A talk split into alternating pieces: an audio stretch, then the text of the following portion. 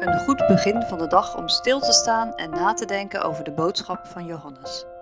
Mooi dat je luistert. Deze week met Jaco Pont.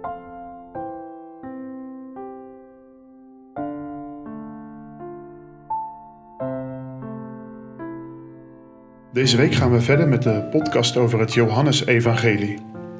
En tegelijk beginnen we ook aan de Lijdenstijd. De komende weken zullen we met het Lijdenstijdpakket Stel je voor toeleven naar Goede Vrijdag en Pasen. Deze week gaat het over de opwekking van Lazarus, het laatste wonder van de Heer Jezus. En juist dit teken, dit wonder, wijst naar de opstanding van de Heer Jezus zelf. We lezen eerst met elkaar Johannes 11, de eerste 10 versen.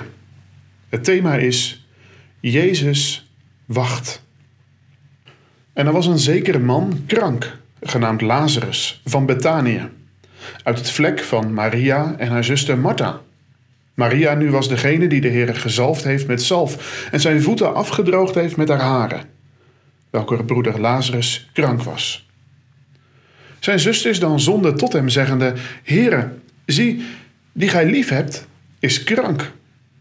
En Jezus dat horende zeide: Deze krankheid is niet tot de dood, maar ter heerlijkheid van God, opdat de Zoon van God door dezelfde verheerlijkt worden. Jezus nu had Martha en haar zuster en Lazarus lief. Als hij dan gehoord had dat hij krank was, toen bleef hij nog twee dagen in de plaats waar hij was. Daarna zei hij verder tot de discipelen: Laat ons wederom naar Judea gaan. De discipelen zeiden tot hem: Rabbi, de Joden hebben u nu onlangs gezocht te stenigen. En gaat u wederom derwaarts?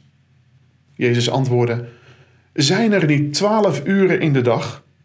Indien iemand in de dag wandelt, zo stoot hij zich niet, overmits hij het licht van deze wereld ziet. Maar indien iemand in de nacht wandelt, zo stoot hij zich, overmits het licht in hem niet is.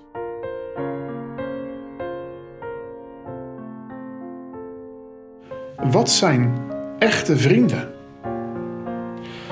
Nou ja, echte vrienden luisteren naar elkaar. Ze zijn er voor elkaar.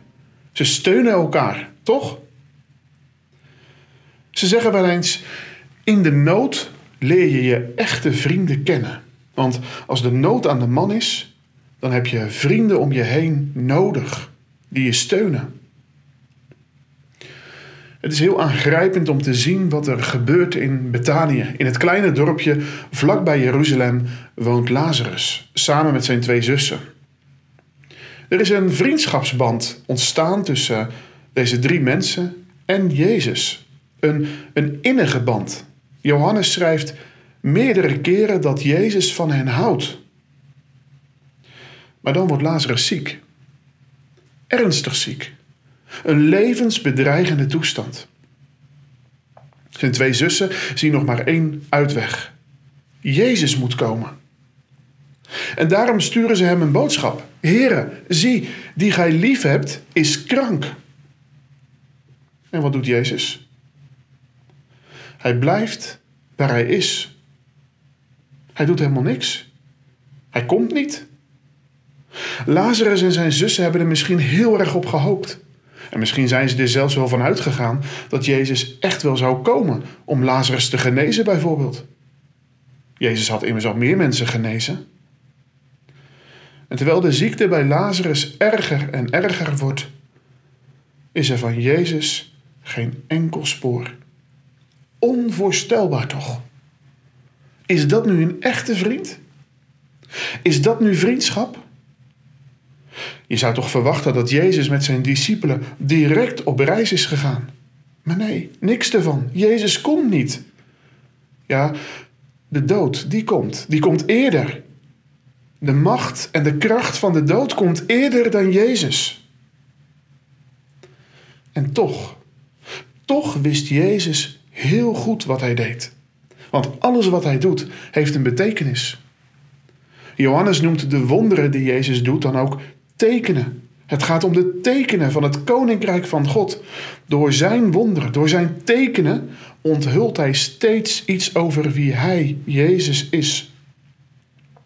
Johannes zegt in hoofdstuk 2 dat de tekenen de heerlijkheid van God openbaren. Ze laten op deze aarde iets zien van de hemelse glans van Christus.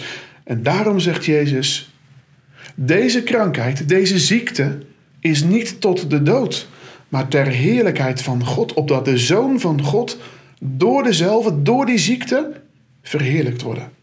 Jezus wacht. Ja, als je zonder geloof kijkt, dan zou je kunnen denken: ja, maar nu komt hij te laat.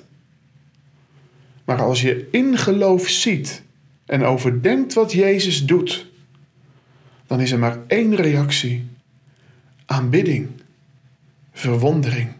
Ja, heilig zijn, o God, uw wegen. Niemand spreekt uw hoogheid tegen.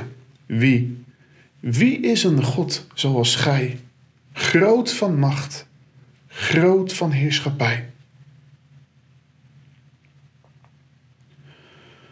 Wacht jij ook wel eens op de reactie van de Heer? En vraag je jezelf ook wel eens af waarom het zo lang duurt voordat Hij antwoord geeft? Vandaag geeft de Heer een antwoord. Hij zegt: Ik wacht. Waarom? Ter heerlijkheid van God, opdat de Zoon van God door dezelfde verheerlijkt worden. Geloof je dat?